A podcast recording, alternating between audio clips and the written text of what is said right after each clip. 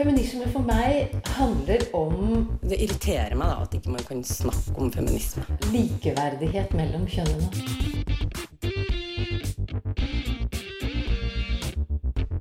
Det blikket på kvinnen på film. handlet det om å bli tatt på alvor som jente. Du hører på Et eget rom på Radio Nova. I dag er det stortingsvalg, og vi stemmer på menn og kvinner på lik linje. Men slik har det ikke alltid vært, og vi dykker tilbake i historien. Og følger kvinners kamp for plass i politikken.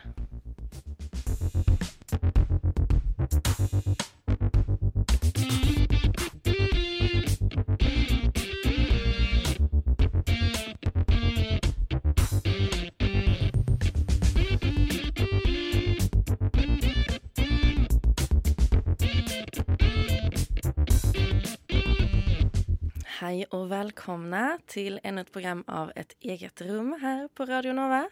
Vi är tillbaka till våra två i studio, så det är Lina Hystad och jag, Sofia Fischer. Och så vår underbara tekniker Hilje Svensson. Och idag är det val. Ja, det er valgdag. Det är valget Kan jag tänka dig? Fyra år har gått. Ja, det gikk fort. Plutselig så var vi her. Ja, det er spennende. Jeg synes nesten det er rart å se for seg eh, at jeg kan gå inn på Facebook eller nyheter uten at det bare er politikk. For nå det, har det vært politikk i en måned. Men sånn, sånn er det virkelig. Det liksom, det er så sykt mye opp til eh, valgdagen. Og sen så bare tar det slut er en litt sånn, hva skal jeg nå gjøre med mitt liv? det var det. Det er bare av og til noen sånne kontroversielle utspill, men ellers er det ingenting. Liksom. ja. Har du vært og stemt? Nei, jeg har ikke vært ennå, faktisk. Du har det er ikke skikkelig det? rart. Jeg, hadde, jeg har alltid jeg har tenkt sånn, nå den kjempelenge til, så jeg kan vente. Men jeg har litt tid til å stemme i dag, da. Jeg skal få gjort det i dag. Det blir litt sånn, man var Frem helt til klokka plutselig ni, eller? Ja, helt plutselig kom valgdagen, og det var sånn, å ja. Mm. Men jeg får ikke stemme, så du får tenke på meg når du Hæ? går og stemmer. Får du ikke? Nei. Fordi du er svensk? Ja, jeg er jo det. Ja. Om dere har hørt det, så er jeg svensk. så, men jeg får eh, stemme på når det er kommunevalg, så det er veldig gøy. OK. Mhm. Så Det er litt spennende at det er en forskjell der. ja. Men tenker, vi skal jo snakke litt sånn i dag om For jeg tenker at det er jo viktig å feire valget litt. For det er jo skikkelig fint, og så tar vi det kanskje litt for gitt, da. Ja, och vi som er et feministisk radioprogram måste jo snakke litt om kvinner i politiken. Mm. Det passer jo veldig godt. Men hvordan føles det for deg å ikke få stemme, da? Du bor jo i Norge, så du følger jo med på debatten. Det er litt trist, det er det. Spesielt når man er så engasjert i politiken. Ja. Um, men uh, ja, sånn er det. Det er jo faktisk sånn at det var bare i altså, to år siden, 2015, at Saudi-Arabia eksempel lot kvinner stemme. Mm. Og Kuwait i 2005, og det er fortsatt en del, sånn som eksempel Vatikanstaten har en sånn konklave med bare menn som stemmer fram paven. Ja. Så det er jo fortsatt sånn at det er jo ikke akkurat noe som bør tas helt for gitt, da, tenker jeg. Det det Det er ganske helt, drøyt. helt selvklart. Mm. Men man glemmer bort det. Man glemmer bort det. Og da er det ju ganska käckt att vi skal se litt på hvor det kommer. Ja. Ja, det er veldig gøy. ja. Hvor alt kommer ifra, Ja. og når alt starta. Ja, vi skal høre på litt musik her. Det er Carmen Villan og Jenny Hall med Borders.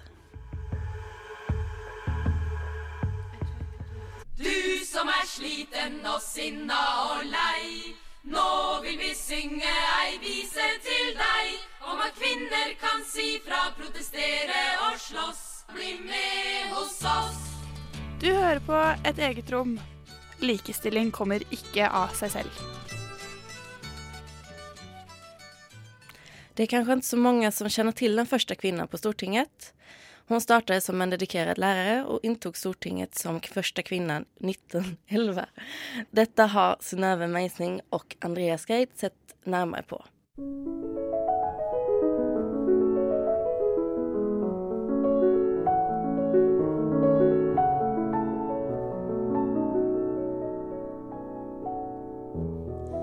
Alle disse har stemmerett så fremt de ikke er idioter, vanvittige eller forbrytere.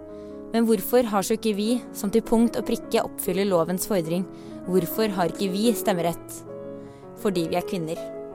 Fordi vi er født kvinner, skal vi ikke regnes med blant landets borgere, men utstøttes og regnes like med vanvittige og forbrytere. Der ligger en forakt for vårt kjønn, en skjærende hån i denne lovbestemmelse. Vårt fedrelands lov krenker oss, håner oss. Slik lød Anna Rogstads tale. Vi skrur tida drøye 100 år tilbake i tid, til starten på 1900-tallet, nærmere bestemt 1907. Norske kvinner har akkurat fått allmenn stemmerett ved kommunevalg, mye takket være Anna Rogstad.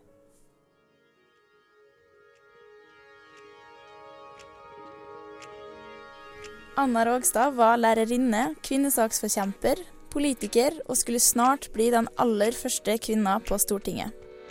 Allerede som 17-åring begynte hun som lærer ved en privat gutteskole i Trondheim. Hun skrev en rekke lærebøker og ble tidlig opptatt av jentas rett til utdanning. Hun skulle seinere flytte til Oslo sammen med søstera si, hvor hun for alvor tok del i det offentlige ordskiftet. Hun var urokkelig opptatt av økonomisk og utdannelsesmessig selvstendighet for kvinner, og var naturligvis med i dannelsen av både Norsk kvinnesaksforening og Kvinnestemmerettsforeninga. Anna Rogstad var god venninne med Gina Krog, som også var politiker og kvinnesaksarbeider. Men én ting var de litt uenige om. Anna Rogstad hadde vært sterkt medvirkende til å få innført kvinnelig stemmerett ved kommunevalg i 1907, og hun var villig til å godta det som et endelig kompromiss. Men Gina Krog på sin side ville ikke stoppe der. Allmenn stemmerett på lik linje med menn måtte være målet. 1911 skulle bli året den første kvinna inntok Stortinget.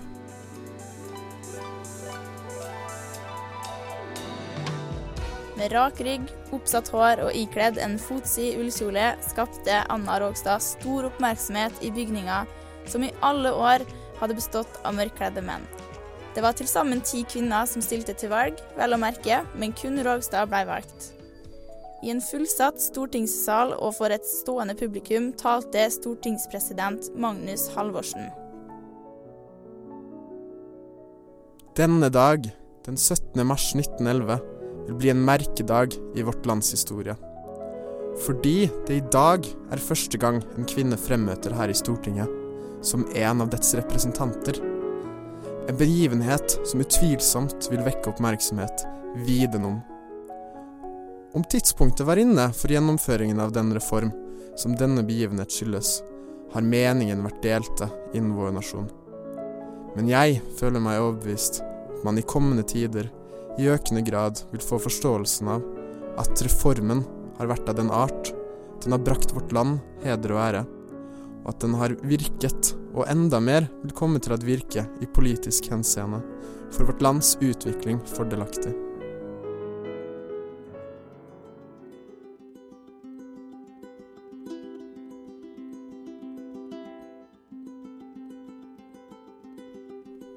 Satt på Stortinget for Frisinnede Venstre som vararepresentant for høyrepolitiker Jens Bratli, som til informasjon var imot allmenn stemmerett for kvinner. Ett år seinere, i 1912, ble Jens Bratli valgt som statsminister, og Anna Rogstad fikk derfor fast plass på Stortinget. Før hun inntok Stortinget var det i hovedsak skole, utdanning og kvinnesak hun hadde engasjert seg mest i, men i løpet av tida på Stortinget utmerka hun seg også i en rekke andre politiske emner. Hun var opptatt av forsvar og fredsarbeid, kultur, skattepolitikk og likestillingsarbeid, så klart. Som politiker var hun frittenkende. Konservative anså hun som radikal, og radikale anså hun som konservativ. Av hennes venninne Gina Krog ble hun beskrevet som sitat, en som hadde mot til å være seg sjøl og umulig å få inn i en partirolle. Hun er alene en friborn, frisinna kvinne. Da Bratteli-regjeringa måtte gå av i 1913, stilte ikke Rogstad til gjenvalg. Og fire år seinere, i 1917, valgte hun å melde seg ut av Frisinnede Venstre og inn i Arbeiderpartiet. Det understreker kanskje Gina Krogs poeng om at Anna Rogstad var et frittenkende og reflektert menneske. Vi skrur tida 100 år fram i tid, til nå, 2017. Norge har hatt sin andre kvinnelige statsminister, og av alle representantene på Stortinget er 40% kvinner. Man må altså bare 100 år tilbake i tid for ting så helt annerledes ut. Ja, du hørte Andrea Scheid og Synnøve Berg Meisinger. Meisingset. Meisingset. Nesten. Åh, herregud, disse norske navnene, altså.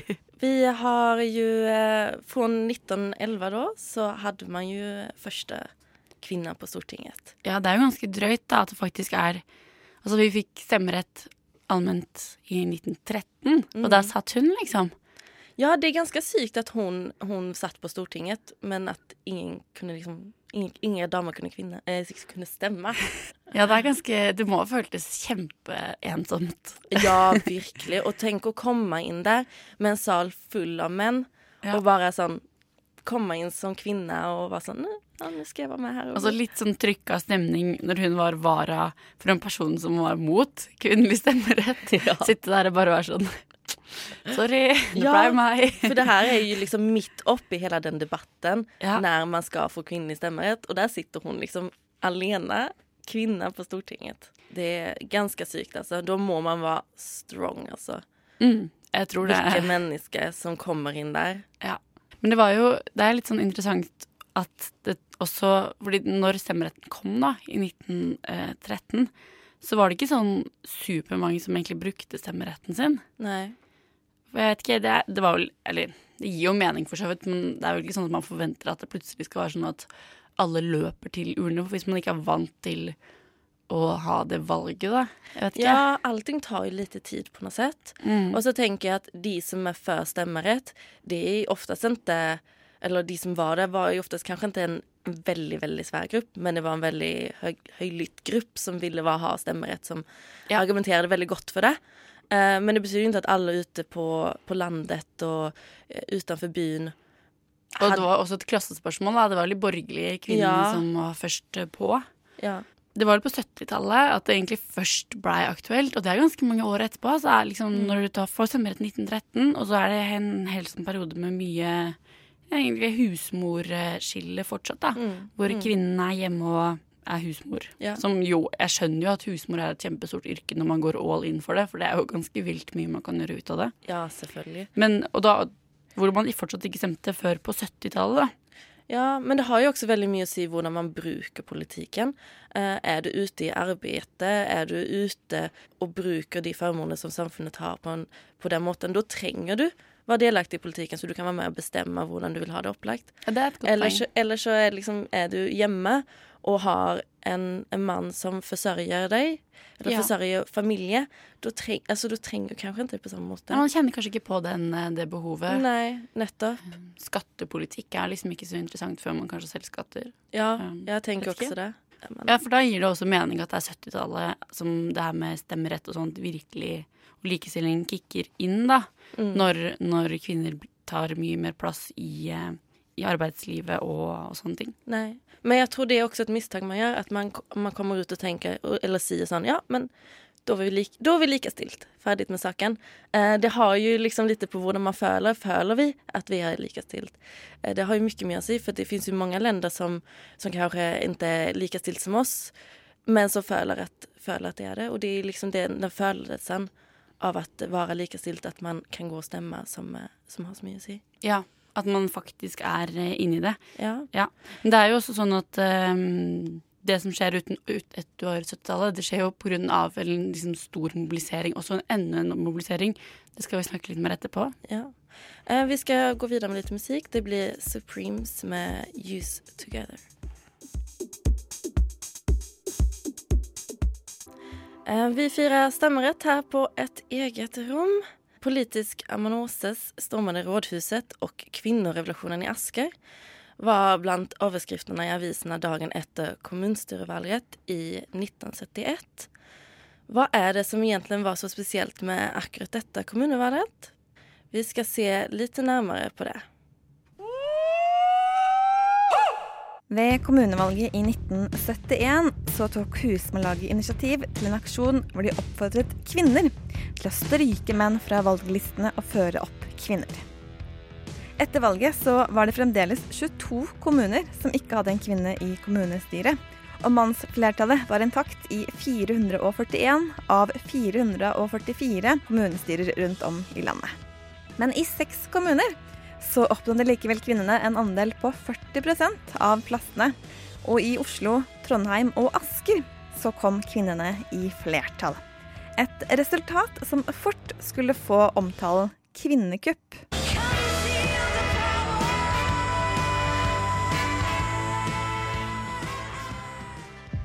Aksjonen startet som smått i 1970.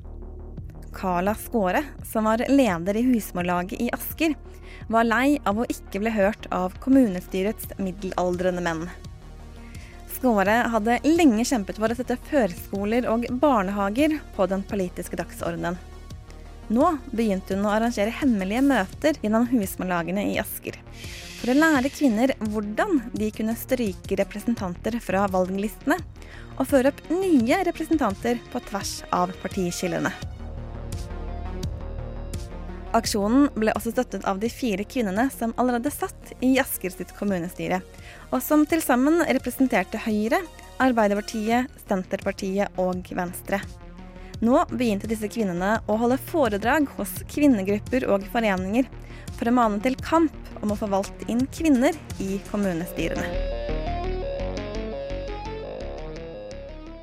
Aksjonen førte altså til kvinneflertall i tre av landets kommunestyrer. Og reaksjonene lot ikke vente på seg. Av mannlige politikere så ble kvinnene beskyldt for juks og at de hadde kuppet seg inn i politikken.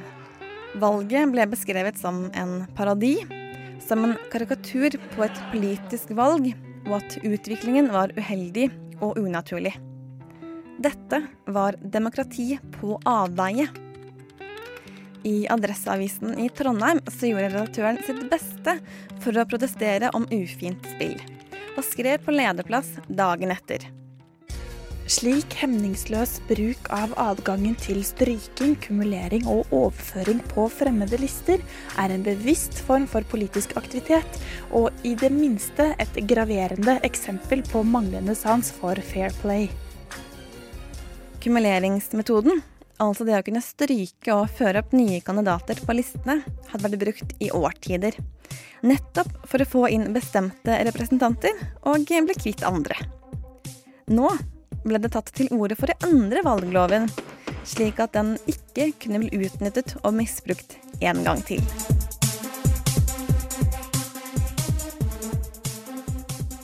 Hovedmotivet for aksjonen var å få politikken til også å speile kvinners liv og perspektiver.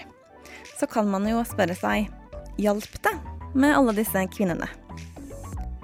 Øverst på prioriteringslista til kvinnene i Asker så sto barnehager og trafikksikkerhet. Spørsmål som kvinnene tidligere hadde opplevd at mennene nedprioriterte. Kravene deres nå var bygging av barnehager og trygge gangveier for å sikre elevenes skolevei. Og til tross for mennenes motstand, så klarte kvinnene å få igjennom et prinsippvedtak om at ingen veier skulle planlegges uten at det ble planlagt gang- og sykkelvei samtidig. Og gjennom flertallsmakten og samarbeidet på tvers av partiskillene, så klarte de også å få til et vedtak om utbygging av kommunale barnehager. Og det var ikke bare i den konkrete kommunepolitikken at valget fikk ettervirkninger. Det såkalte kvinnekuppet banet nå vei for at de politiske partiene måtte ta ideen om kjønnsmessig representasjon på alvor. Og de ble faktisk mer opptatt av å inkludere kvinner på nominasjonslistene ved valgene.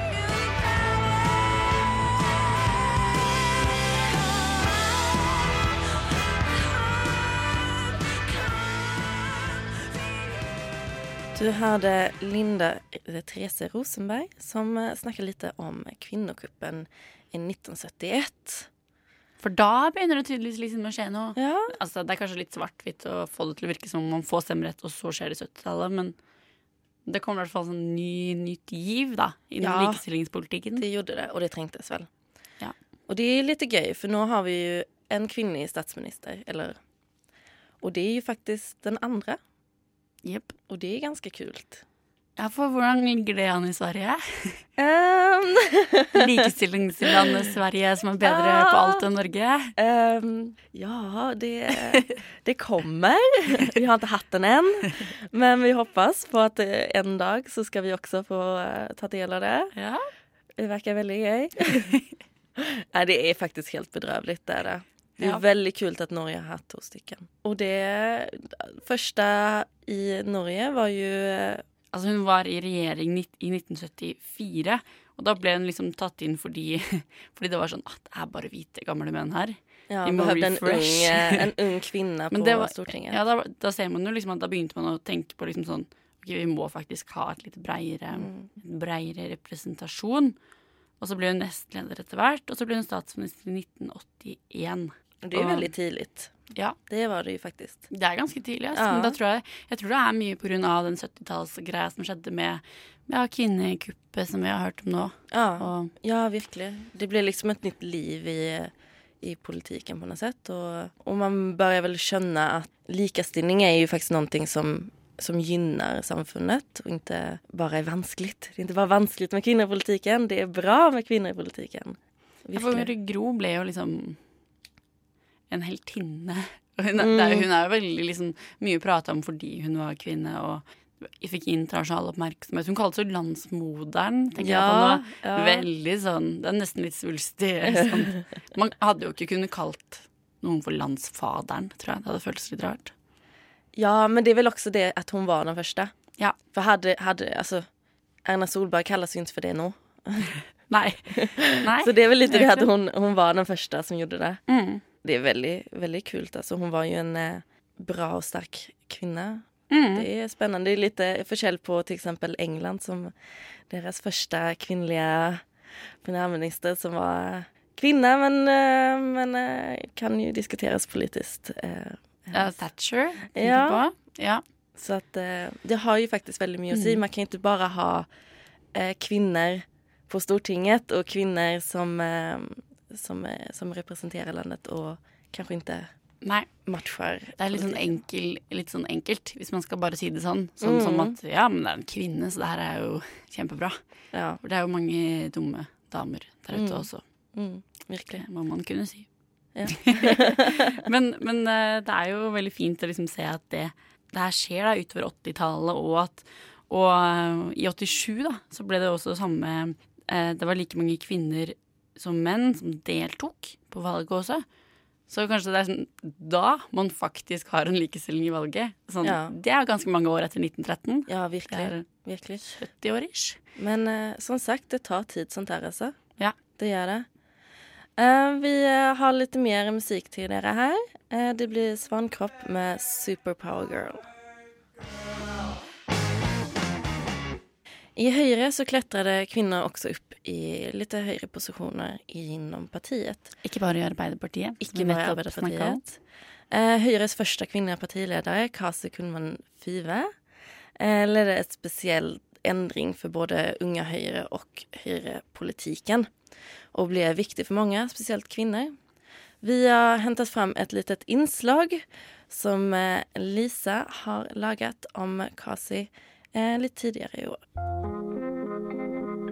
Kasi Kullmann Five satte et stort preg på samfunnsdebatten og det norske politiske landskapet på 70-, 80- og 90-tallet. Du har kanskje sett noen overskrifter på nettavisene etter at hun gikk bort tidligere i år. Eller så har du kanskje hørt noen nevne navnet.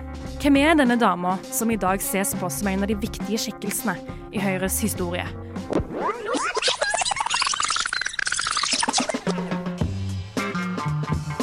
Kasi, eller Karin Cecilie Kullmann Five, var født og oppvokst i Oslo på 1950-tallet. Kasi hadde sine første politiske verv i Bærum Unge Høyre i 1971.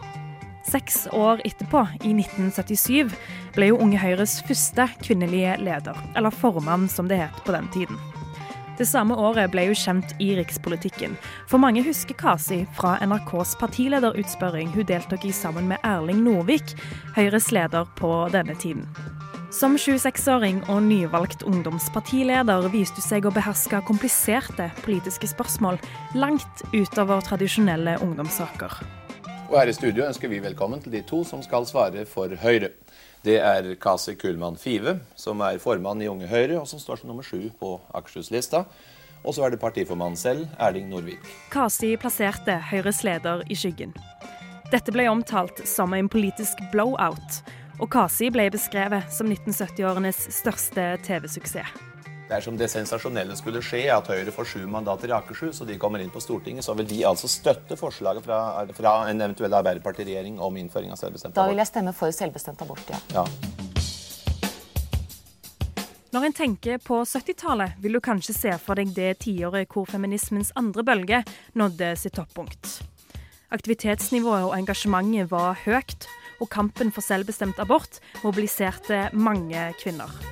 Høyre opplevde en spenning mellom feminisme og tradisjonsforsvar i disse årene, men i Unge Høyre under Kasi var det feminismen som fikk innpass. Kasi Kulma Five. Ja, For en gangs skyld så er jeg enig med RV og Nærstad. Jeg er også dypt rystet over den situasjonen vi nå ser utvikle seg på sykehussektoren i Akershus. Det gikk noen år fra Kasi gikk av som leder for Unge Høyre i 1979, til hun gikk inn i rikspolitikken som stortingsrepresentant i 1981. Der var hun en av de første kvinnene som gikk høygravid på Stortinget. Etter å ha vært handels- og skipsfartsminister i Jan P. Syses regjering på slutten av 80-tallet, ble hun tilbudt lederposisjon. I 1991 ble hun valgt som første kvinne noensinne til Høyres leder. Jeg har eh, levet så nær eh, Høyre-lederjobben i så mange år at eh, jeg vet veldig godt hva det nå er jeg sier ja til. Som partileder i Høyre leder Kasi fram en ny generasjon med Høyre-politikere.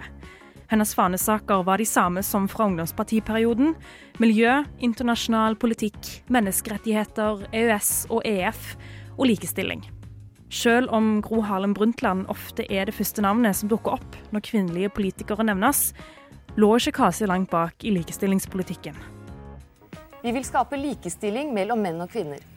Og går inn for både holdningsendringer og praktiske reformer innen familie, arbeidsliv og i samfunnslivet. Kasi Kullmann Five er et godt eksempel på hvordan konservative feminister fant sammen med venstresidefeministene for å kjempe gjennom endringer på 70- og 80-tallet. Uten dette tverrpolitiske samarbeidet ville flere av endringene tatt mye lengre tid. Selv om Høyre kunne sjangle litt i likestillingsspørsmål, skilte partiet like fullt med bevisste og engasjerte blå feminister. Og det var en styrke i den norske likestillingskampen. Hun har betydd en eh, voldsom boost for kvinner i Høyre. Så har hun betydd mye for eh, vårt engasjement for likestilling, for miljøspørsmål og for menneskerettigheter.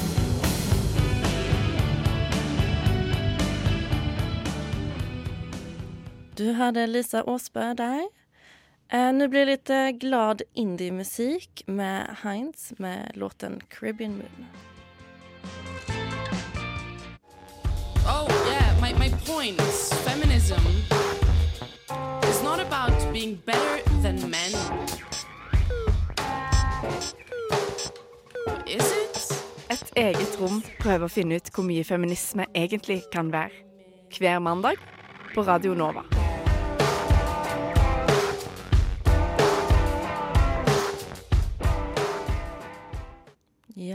Et eget rom, ja. Vi snakker politikk. Kvinnelig politikk blir det.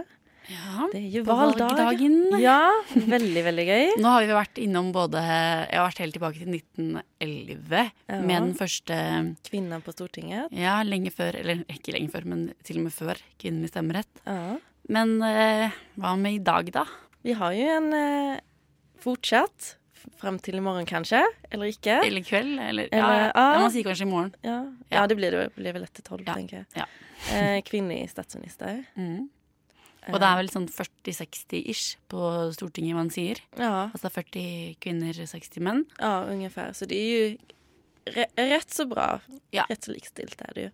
Ikke helt, blitt? men liksom Det er jo representert, i hvert fall. Ja, absolutt. Det syns jeg. Ja. Uh, og vi har kommet langt fra från eh, 1911 når det var det Absolutt. Én faktiskt- vara, til og med. Eller ja. ja. Men jeg, jeg tenker eh, Ja, det er jo litt eh, Sånn sett har det jo gått ganske bra. Men jeg har sett at hvis det er noe man liksom skal bemerke, så er det at hvert fall hvis man ser på 2013-valget, så nomineres menn mer som førstekandidater enn kvinner. Mm. Vet ikke helt hvorfor. Det er litt vanskelig å si. Ja. Og det er jo en sånn ting Altså, vi er jo likestilt. Vi kan jo nominere så mange vi vil, så det er liksom vanskelig å si hvor mye man kan gjøre med det. Eh, jeg vet ikke. En, et av problemene har vel litt vært at det er veldig få kvinner som har kanskje lyst. altså som, eh, som jobber inom politikken. At det har blitt veldig mannsdominert fordi det er så mange menn som, som har lyst. Ja. Uh, og jeg leste faktisk en, en fra från eh, om dagen om en kvinne som arbeider på Stortinget som sa det at snälla kom flere kvinner! Vi vil ha flere kvinner på Stortinget. Det er Ja. gøy. Vi, jeg vil ha kvinnelige arbeidskolleger på Stortinget. Men jeg har tenkt på det Det her er jo ikke oppsnakking av saksituasjonen, men jeg har tenkt at nå i valgkampen tenker jeg at det må være verdens verste jobb. Det ser helt Ja. grusomt ut Ja, å være en ja, ja. Men man- eh, takk for at noen gjør det, liksom. Ja, eh, virkelig. herlighet. virkelig. Og det er vel litt det også att ja, det är klart att man kan stå och säga att man vill ha fler kvinner, Men det må også finnes kvinner som har lyst til å ha den arbeidsposisjonen, som har lyst til å arbeide med politikken. Ja, og igjen, da, sånn som jeg var inne på i stad, at det er jo det er jo først og fremst politikk. Altså Politikk er mye mer nyansert enn kvinner og menn, da. Jeg tenker Det er jo ganske sånn Selvfølgelig kan man ha flere tanker på en gang. Man kan jo snakke om at det er viktig med en representasjon fordi Altså, det er rart å drive et demokratisk politikk med liksom 80% menn og 20% kvinner, fordi det har noe å si, da. Ja, Men samtidig så er det jo politikken som kommer i første rekke, da, Ja. tenker jeg. Ja, ja, altså det setter jo rammer for hvordan resten av samfunnet skal se ut. Så selvfølgelig er det veldig, veldig viktigt. Eh, Men som sagt, det er jo politiken i seg som, som er det viktigste, som er liksom själva kjernen i allting. Ja. og da er det jo veldig synd kanskje at, at man merker at det er liksom minoritetskvinner eller minoritetsgrupper Minoritetsgrupper. i det helt, altså, Mm. har jo vært underrepresentert veldig i eh, De er jo veldig underrepresentert. Ja, och det är ju väldigt, väldigt trist och det är kanske någonting man ska jobba mer för. Mm. Att, att det ska inte bara representera män och kvinnor utan alla som bor, eh, bor i Norge.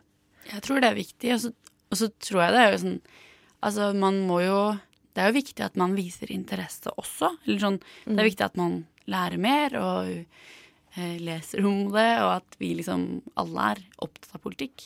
Ja, ja virkelig. Uh, her får ni høre litt Tin Fingers med Young Mother.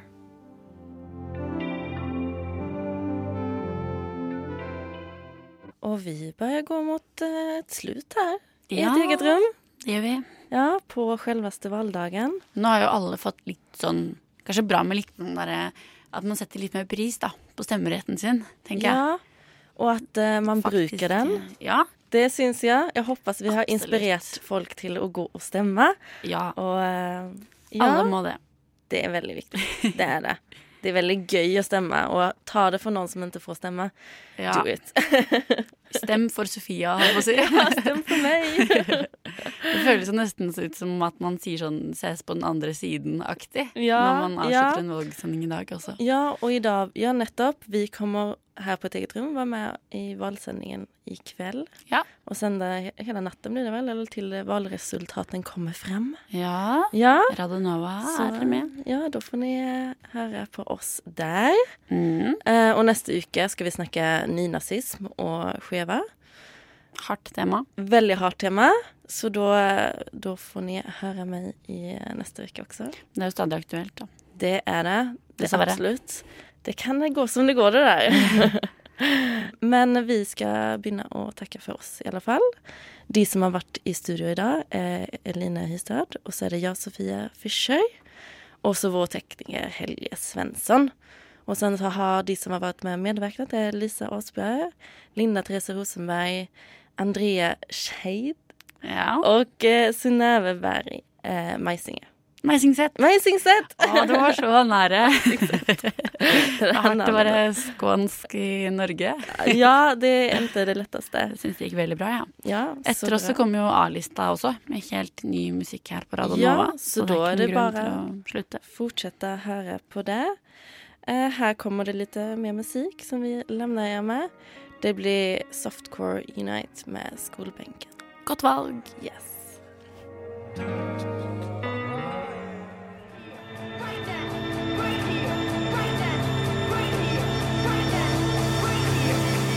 Radio Nova. Du har hørt en podkast fra Radio Nova. Likte du det du hørte? Du finner flere podkaster i iTunes og på radionova.no.